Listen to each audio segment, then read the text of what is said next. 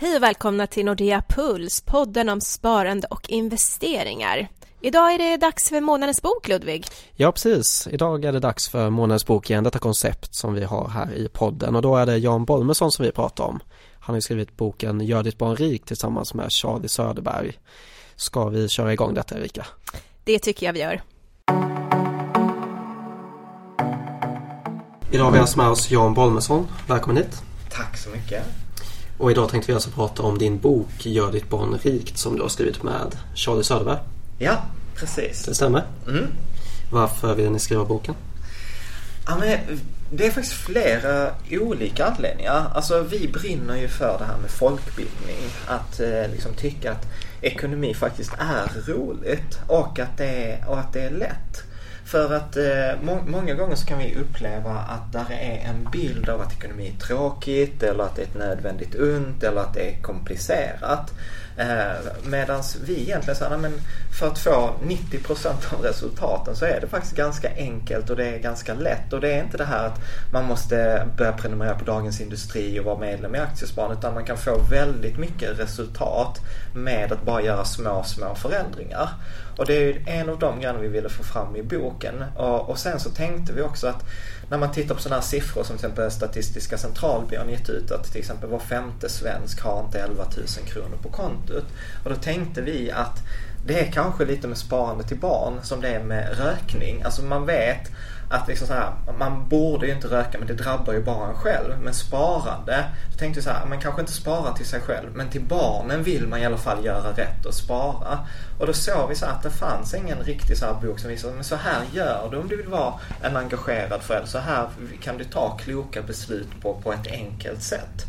Eh, och det var egentligen de två viktigaste anledningarna. Och sen var det också så att vi har ju barn eh, i den åldern själva.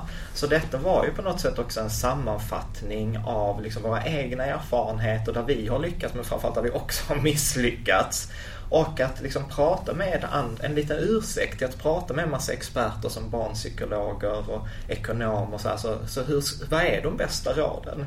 Så att det är lite så här högre syftet men också ett lite så här personligt syfte att utforska just det här barn och, barn och pengar. Mm. Eh, ni pratar ju mycket om det här med att ge barnen ett sunt förhållningssätt till, mm. eh, till ekonomi och pengar också. Ja, precis. Alltså för att Alltså när min dotter Freja föddes så skrev jag på, på bloggen, eh, på Rika Samman skrev jag en, en, artikel så här ska Freja bli miljonär när hon fyller 18. Och så var jag så här liksom bara heja heja nu, nu ska vi köra. Och sen och sen bara insåg jag någonstans längs vägen, men vänta nu här, att ge en 18-åring, ge ett barn en massa pengar utan att ge dem liksom verktygen eller kompetensen eller självförtroendet att använda. Det kan ju lika gärna som stjälpa som det kan hjälpa. Och därför sa vi så att, ja men egentligen är det mycket viktigare just med den här kompetensen. Och då såg vi också att det är ju många föräldrar som säger att mina föräldrar hade inte råd att spara till, till mig. Och det har ju gått ganska bra för mig i alla fall. Och då inser jag så nej men det handlar ju inte om pengarna är inte det viktigaste. Utan det viktigaste är att, att, att man får träna, att barnen får träna och lära sig ekonomi. Och kan man dessutom få längs vägen tycka att det är roligt, då, då är det långt mycket viktigare än pengarna. Och, och, faktiskt en liten kul parentes också. Vi intervjuade ju massa människor när vi är experter när vi skrev boken. Och alla utan undantag sa så här. Om jag hade fått en miljon när jag var 18 så hade jag haft en sämre ekonomisk situation idag än vad jag har. För att då hade jag inte fått anstränga mig själv, jag hade inte fått klara det själv, jag hade inte fått göra den här resan eh, själv. Så att därför tror jag att om man ska välja mellan spara och lära, lär hellre än att spara. Så eh, hur kan man tänka då när man pratar ekonomi med sina barn? Alltså jag tror, alltså detta är vår tes liksom, men att många gånger så fick vi frågan innan så här, men när är barnen redo att prata om pengar? Och vi tror snarare att det är så här, när är jag som förälder redo att prata med mina barn om pengar? För barnen fattar ju mycket mer än vad man tror. Och då tänkte jag liksom för, ja men nu är det två år sedan så kom ju Pokémon. Eh, och eh, Freja tyckte ju det var jättekul och det var ju det här man skulle jaga fantasidjur runt om i stan. Och, och, i det här så kommer jag ihåg att man skulle ha så här stjärndamm och olika godisar och liksom olika typer och så kunde de utvecklas till varandra. Det är så här, Freja hon hade stenkoll. Hon hade stenkoll på alla de här liksom fem, sex olika resurser, bollar, vilka som passade när etc. Och sen tänkte jag, hon har stenkoll på det här. Alltså att sköta 20 kronor i veckan i veckopeng är ju liksom såhär piece of cake. Eh, där. Och, och, det där tror jag så att jag tror att det handlar mest om de fördomar vi vuxna har om att barn inte kan eller att de inte är intresserade. Utan tvärtom barn, ja, barn är mycket klokare än vad vi tror. Ja, ni skriver också i boken att, eh, att som förälder så ska man guida, utveckla och uppmuntra barnets naturliga nyfikenhet. Kan du utveckla det lite grann? Nej, men jag tror att det handlar om att fånga lärotillfällen. Jag, jag tänker att det kommer hela tiden lärotillfällen och sen, och sen jag, jag missar nio av tio men liksom så här, kan man fånga det där tionde eh, lärotillfället så tror jag att mycket är vunnet. Och det är till exempel, alltså vi, har, vi har haft så många situationer så vi har varit på liksom, eh, leksaksaffär och så kommer Freja där, ah, men jag vill ha den där leksaken och då är klassiker som föräldrar såhär, nej eller så här, nej vi har inte pengar. Och sen börjar jag tänka då så här, men vad är det för signal jag sänder om jag säger nej jag har inte pengar. Utan handen på hjärtat handlar det om att jag inte vill. Och det är mycket tuffare så här, nej för jag vill inte köpa det där till dig. Eh, och då, då kom jag på så här, vad trist förälder jag är som säger nej. Så att då, då jag och Charlie pratade mycket om det här så sa han så här, men tänk om det är så att vi sätter oss på samma sida som barn. Så här, men Freja vad roligt att du vill ha, det. berätta varför vill du ha det? Hur kan vi göra detta tillsammans? Liksom? Hur kan, hur kan om, om jag bidrar med hälften av pengarna, hur kan du göra den andra hälften?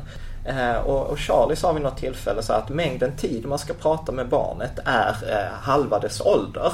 Och då hade jag någon läsare som sa så här, i timmar. Vi bara, nej, minut. så att liksom, är barnet sju år, ja men tre och en halv minut. Det är liksom så här, så man hinner liksom inte göra powerpointen eller liksom föreläsningen. Utan jag tror att det här, liksom i situationen att fånga ett extra lärotillfälle, då tror jag man har mycket vunnet.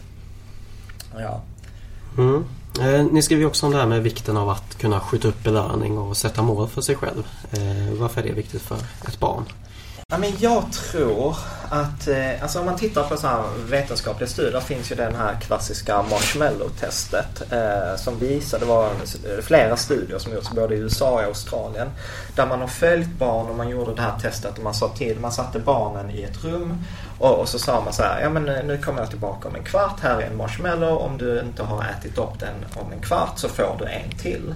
Och det visade sig då ja, men att eh, två tredjedelar av barnen åt upp dem. Men den tredjedelen som inte gjorde det, de hade liksom ett mycket rikare liv eh, senare. Alltså de hade bättre relationer, de hade bättre betyg, eh, de hade mer pengar, de hade bättre karriärer eh, etc. Så att det var en väldigt hög liksom, så statistisk signifikans.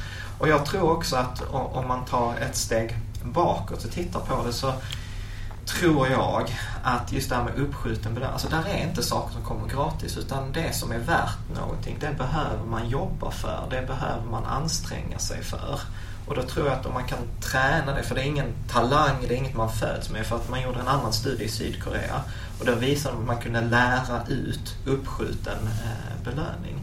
Så jag tror att det där är helt enkelt en färdighet som de kommer ha nytta av som vuxna i, i många olika Eh, många olika områden. Inte minst om vi pratar som här sparande ekonomi.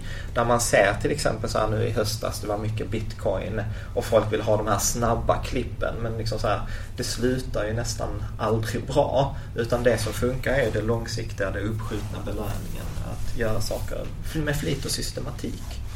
Och det här med målsättning också, hur ska man prata med barnen där? men jag tror, alltså samma sak där. Jag tror att det handlar om att förenkla det, göra det roligt för barnen. Att inte köra så här smarta målmodeller utan snarare att, eh, att säga men så här, att barn vill ju ha någonting och varje gång ett barn vill ha någonting så är det ett lärotillfälle. För då kan man liksom prata om så här, varför är det där viktigt, hur tänker du? Eh, och de har ju alltid en logik även om man själv inte ser den logiken eh, från, från början. Och då, då, men där tror jag också att det är viktigt med tidsperspektivet. Att jag kan uppleva att ett litet barn, då, då pratar vi kanske två, tre dagar. Vi kan inte prata så här, men du vet om du sparar varje veckopeng i tre månader, då får du det. Utan då tror jag, till exempel så som vi gjorde med Freja när hon var mindre. Då hade vi en, en, en bägare med kulor och varje gång hon hjälpte till så fick hon en kula. Och när liksom bägaren med kulor var full så var det lika med att hon fick köpa någonting. Och då var det inte som att vi sa att det är 99 kronor eller 499 kronor. Utan det viktigaste var att fylla bägaren. Och det kunde man göra på ett par dagar. Och sen var det liksom en period hon var intresserad och sen var det en annan period hon inte alls var intresserad. Liksom. Så jag tror att det handlar mycket om att anpassa det till barnet och det barnet tycker är kul och spännande just nu.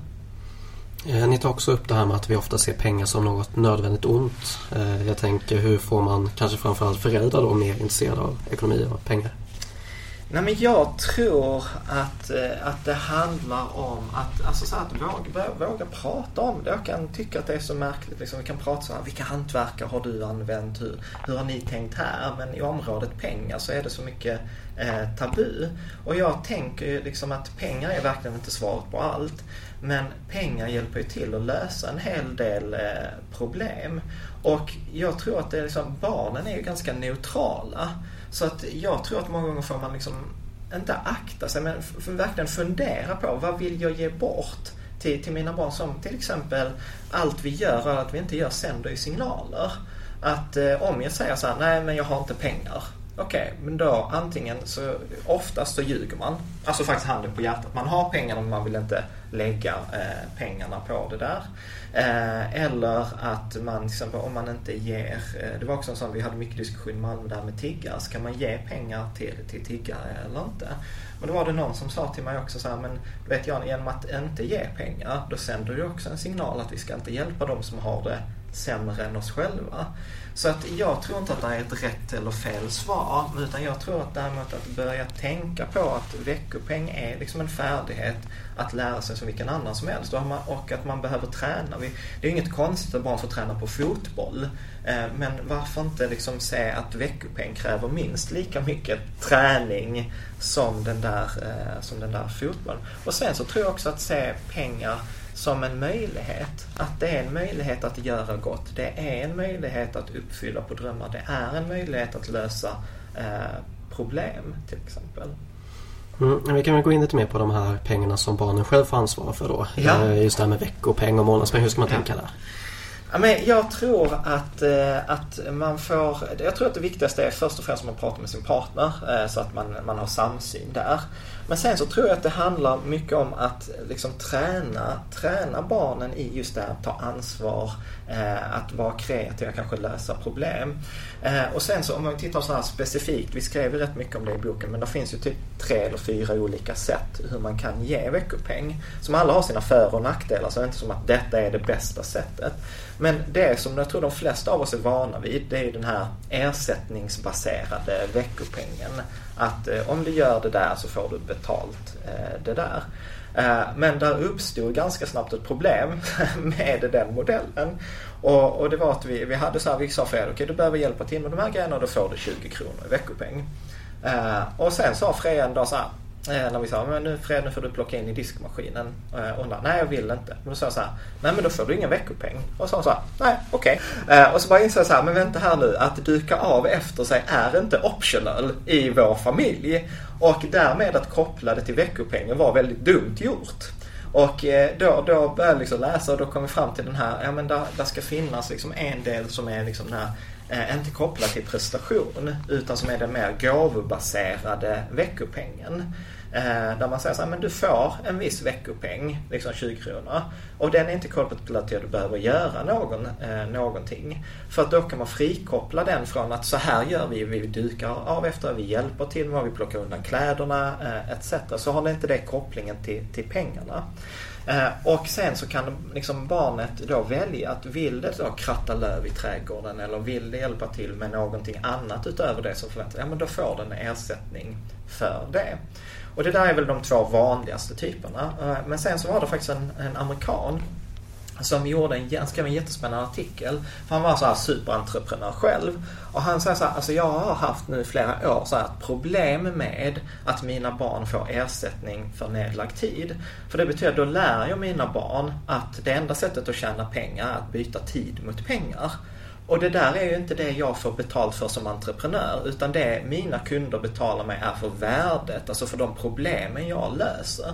Så vad han började göra med sina barn var ju mycket mer att han belönade när de såg eh, till exempel problem och löste dem. För han sa så att det andra problemet är ju att om man ersätter för tid så kommer ju barnen, som han sa också, barnens ambition kommer ju vara att lösa uppgiften så fort som möjligt för att få pengarna. Medan min, mitt incitament som ska betala är att jag vill ha uppgiften löst så bra som möjligt. Och då börjar han istället ge betalt för kvaliteten på lösningen av problemet. Och så sa han också så här, och när man då ger barnen den här uppgiften, varför inte låta dem vara ansvariga för uppgiften också? Att, till exempel han sa, då hans barn kom på att man behövde kratta i trädgården. Och då sa han så här, perfekt, då får ni arbetsleda. Ja, och, och du vet, han sa så här, du skulle sett hur barnen växte när han fick berätta för mig att jag skulle kratta i det hörnet och mamma skulle kratta i det där hörnet. Och sen är det då den fjärde modellen och detta är väl egentligen den enda som jag direkt avråder från och det är ju den här att ge pengar vid behov. Eh, för att liksom när man har gjort så här undersökningar så visar det att man betalar mer till barnet. Eh, barnet blir, risken är att barnet blir bättre på att manipulera än att det blir på att hantera sina pengar. Så att man, det lär sig andra färdigheter och många gånger så är det tvärtom dyrare. Eh, att man får ge, den, de familjer som ger pengar vid behov ger ofta mer pengar än de som ger en regelbunden veckopeng. Lång utläggning kring, kring veckopeng. Ja men superintressant och väldigt bra tips. Ja. Eh, och hur mycket ska man då ge till sina barn i pengar?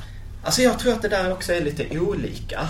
Eh, alltså till exempel när vi skrev i boken och detta kommer väl Freja hata mig för när hon fyller 18. Men från att jag gick den där, skrev den där artikeln så ska Freja bli miljonär.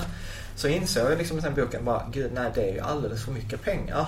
Eh, och då kom vi liksom, när vi, under tiden vi skrev boken så kom vi fram till att eh, någonstans om man tittar slutsumman så vad behöver vad behöver eh, barnen pengarna till?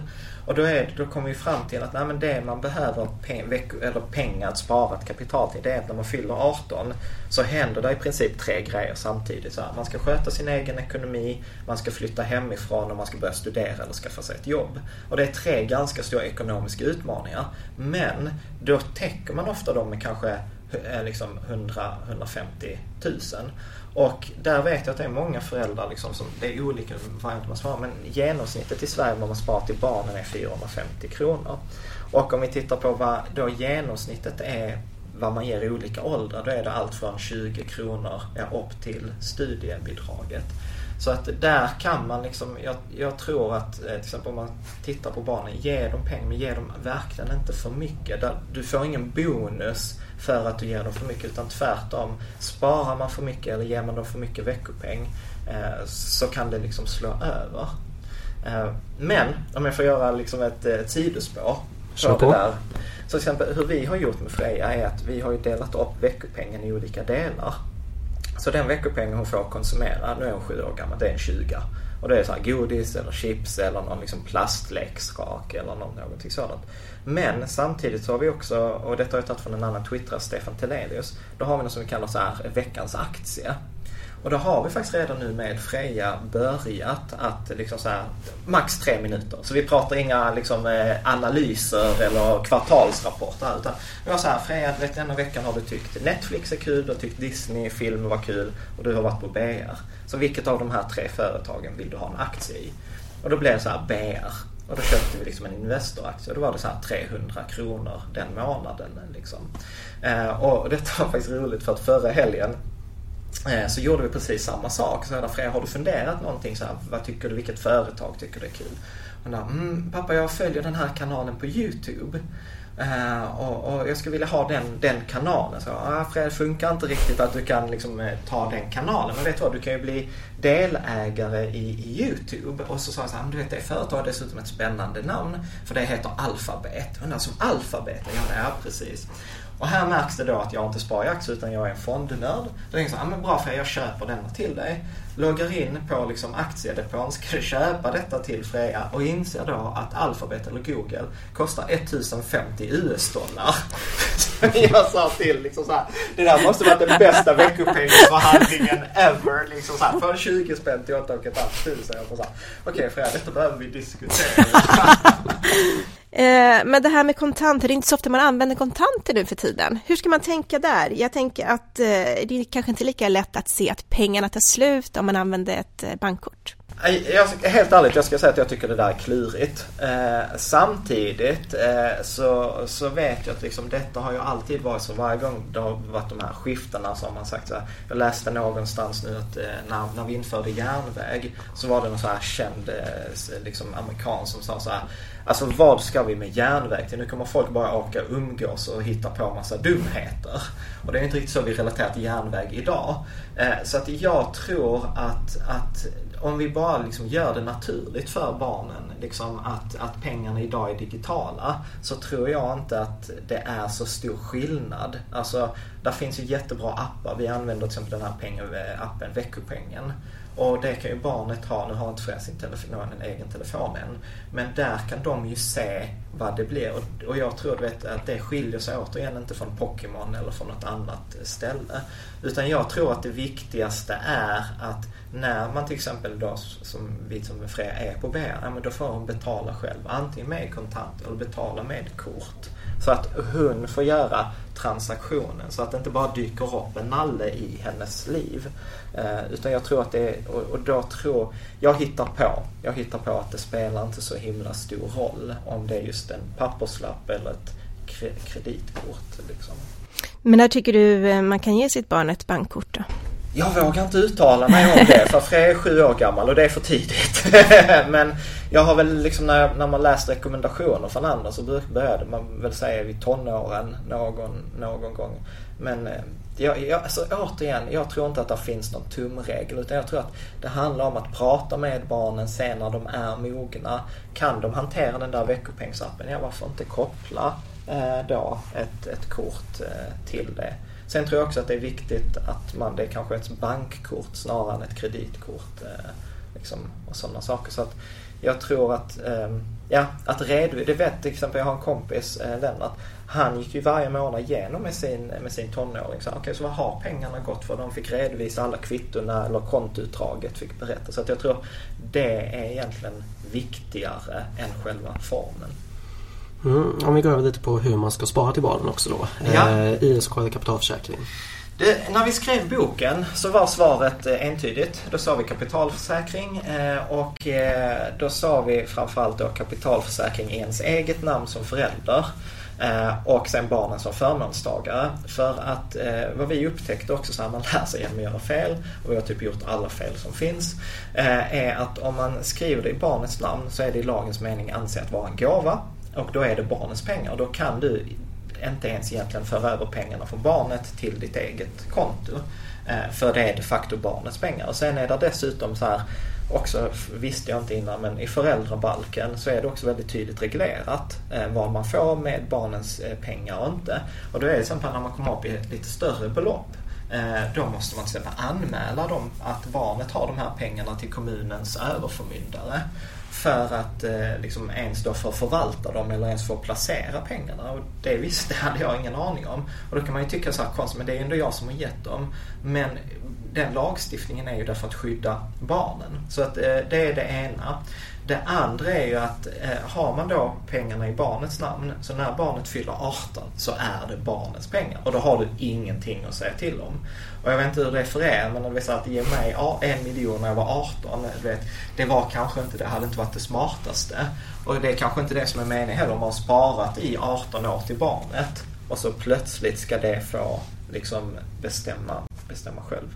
Så att det, det är liksom den generella rekommendationen. Kapitalförsäkringens eget namn och barnet som förmånstagare. Men sen blir man ju visare med tiden och då pratade jag med en läsare som var sjuk eh, och eh, eh, då var det liksom, han var döende. Och då sa han så här att jag har så här kapitalförsäkring men när jag dör så kommer de här pengarna tillfalla mina barn. Och jag kan inte styra den förvaltningen. Och eh, då vad han fick i rekommendationen av jurister, det var då att ha ett ISK i sitt eget namn. Där man sen kunde skriva liksom ett juridiskt förordnande hur de pengarna skulle placeras och framförallt när de pengarna skulle betalas ut till barnen. Så det var att om man ville styra det på, på eget sätt, som man säger att ja, men barnen får eh, 30% när de är 21, de får 30% när de är 25. Så var det tvunget att det stod ens eget namn eh, där. Men vi var i alla fall överens om att det skulle inte stå i barnens eh, namn. Så att det där är en sån grej som vi håller på att kolla upp. Men, men om jag räknar så här i 99 fall av 100 kapitalförsäkring i ens eget namn. Så skulle jag säga. Eh, men du var ju inne på det lite, vad det innebär att sätta barnen som förmånstagare. Mm. Men är det någonting mer du vill tillägga där? Nej men jag tror att, eh, att, att det där, alltså där, alltså där är några så här konkreta generella råd. Det där är ett av dem. Alltså så att man sparar i sitt eget namn. Ett annat sånt här generellt råd, spara till dig själv innan du sparar till barnen. För att eh, liksom så här, om, om, om jag och min partner mår bra Eh, då, då kommer ju barnen också må bra. Och där är ju många familjer som idag kämpar mycket i sin ekonomi och som kanske inte har råd att spara till barn, har dåligt samvete för det. Och då är vi tillbaka där vi började, spara hellre till dig själv så att du har en buffert, så att du har en trygghet. För att det är mycket viktigt att du mår bra än att barnet fick några liksom hundralappar eller tusenlappar in på sitt, eh, sitt konto. Eh, och sen så tror jag att det andra som också är viktigt just när man tittar på det där med sparandet, att Eh, att man sparar, brukar rekommendera att spara till barnen i en klump. Alltså i en klumpsumma. För det där var också en sån grej som jag upptäckte. Och det har inget med juridiken att göra utan det är mest en rättvisegrej. För jag är ju född 81 Eh, och jag var då 1899. Det var ju så här höjden av IT-bubblan. Så jag tror jag räknade fram att om mina föräldrar hade sparat barnbidraget, alltså en tusenlapp i månaden under 18 år, så hade jag fått ut, jag tror det var 2,7 miljoner. Alltså så här enormt mycket pengar. Eh, medan min bror då som är fyra år yngre, han är född 85, han blev då 18 2003. Och det var ungefär i botten av liksom så här innan det vände. Och då hade han med samma sparande på en tusenlapp i månaden fått ut typ 600 000. Fortfarande enormt mycket pengar. Men jag som förälder hade haft problem med att det ena barnet hade fått 2,7 miljoner och det andra fått 600 000. Och när vi pratar om de nivåerna så är det ju inte direkt som att man som förälder säger, ja ah, men vet du vad, jag betalar mellanskillnaden 2,1 miljoner här. Så att då är det ju bättre att man sparar till barnen i en pott och sen delar man upp den potten i lika delar så att man tar bort den här variationen. Så här, ja men du vet, du råkade föda, födas ett skitdåligt börsår. Liksom, det är lite taskigt. Så att det är väl liksom de så här eh, grova råden skulle jag säga kring sparande. Jag tänkte, ni är ganska detaljerade i boken. Eh, det kan vara lite svårt kanske som förälder att ta till sig allting men eh, vad ska man fokusera på? jag tror att det är samma saker som jag alltid brukar rekommendera och det är att spara långsiktigt. Tiden är den viktigaste faktorn. Eh, och det handlar om att tittar man till exempel på ett enskilt år på börsen, då är det ungefär 60% sannolikhet att det går upp, 40% sannolikhet att det går ner. Så det är lite såhär singla slant, lite bättre men knappt. Medan tittar man på en 10-årsperiod eh, ännu, eller ännu hellre en 18-årsperiod, om vi säger att det är det som är tiden för barnsparande, så finns det ingen 10-årsperiod efter andra världskriget som har gått back. Eh, den enda, om man tittar ända bak till 1870 när vi har de första siffrorna för den svenska börsen så är det i princip den, de enda tioårsperioderna som har gått back. Det var mellan 1919 och 1929, alltså depressionen verkligen Men inte ens de åren var särskilt, liksom, du hade förlorat särskilt mycket pengar. Så jag tror att det viktigaste är att ha en lång tidshorisont och sen är det att spara. Jag, jag, jag rekommenderar alltid fonder, så jag brukar säga så här, breda eh, globalfonder så man sparar i hela världen. Så att man bygger på det här antagandet att nej men jag vet inte vilka bolag som kommer att gå bra i framtiden. Eh, då köper jag hellre allihop. Och då vet jag att några kommer gå dåligt, några kommer gå bra, men de flesta kommer gå som ett genomsnitt. Och tittar man över då en 10 eller 18 årsperiod, då kommer denna genomsnittsavkastningen vara väldigt, väldigt bra. Och det är den, som jag sa innan, när vi räknade, alltså om man sparar 400 kronor i månaden i 18 år så är det, alltså så här, i genomsnitt kommer det ge 200 000. Många gånger kommer det ge mycket mer än så, men 200 000 är statistiskt ganska eh, säkert. Så att jag brukar säga så här, breda indexfonder med låga avgifter för att det avgifterna spelar väldigt, väldigt stor roll. Och sen att vi är detaljerade i boken, det handlar ju mest för att ge exempel på vilka fonder man kan ha. Eh, men, men det kan man ju också googla, liksom så bästa, bästa fonderna. Men som sagt, det, det långsiktiga och, och det som är bra då är att väljer man det här sparandet då behöver man inte liksom följa på liksom så rapport, hur gick börsen idag eller att man behöver logga in. Utan tvärtom, jag har ju en sån här modellportfölj som man kan följa. Och där, där jag loggar in en gång om året och sen gör jag lite små, små, små förändringar.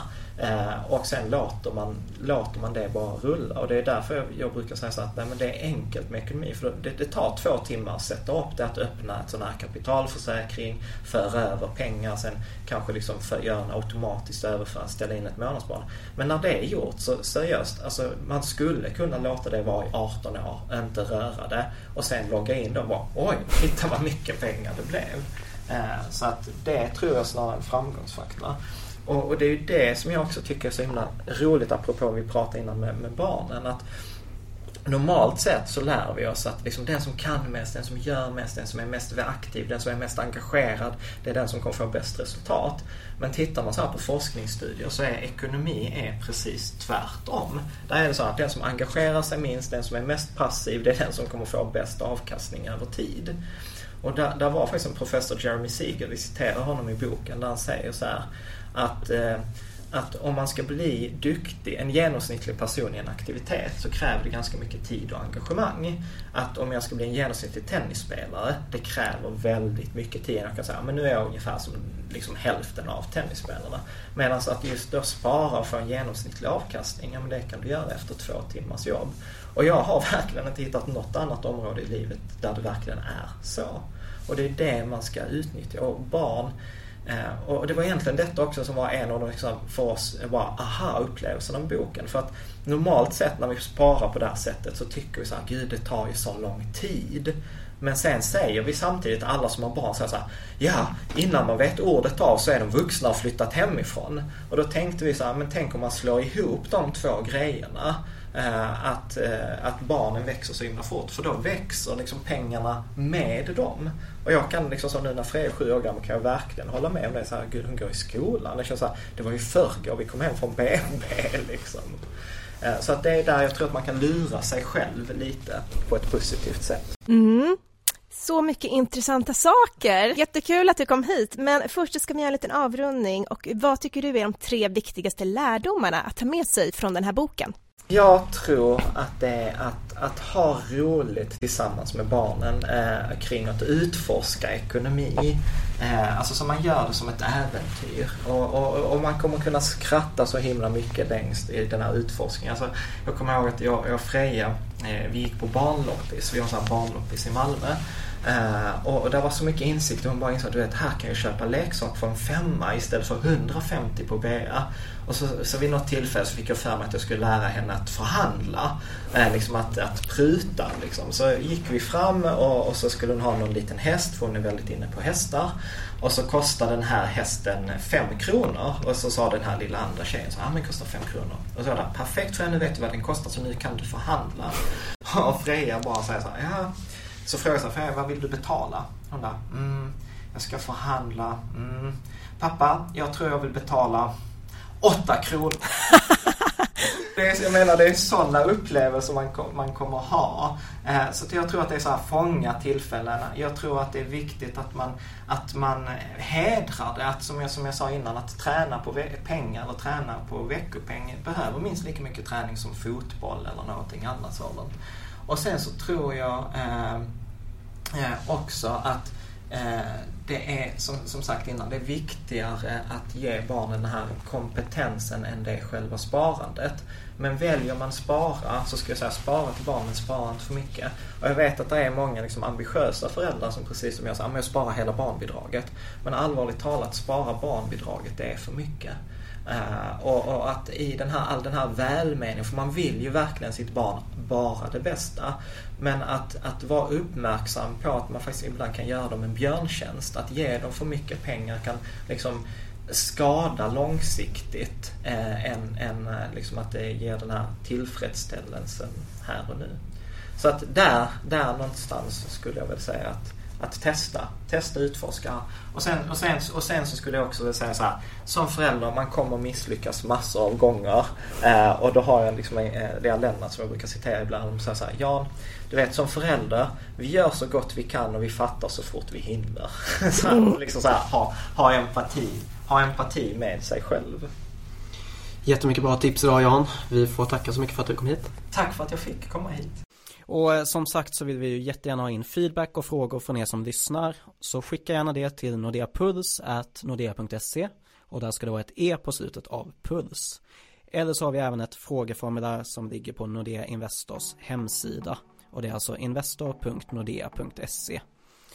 Och ja, det var alltså allt vi hade för denna veckan så vi säger tack och på återhörande nästa vecka.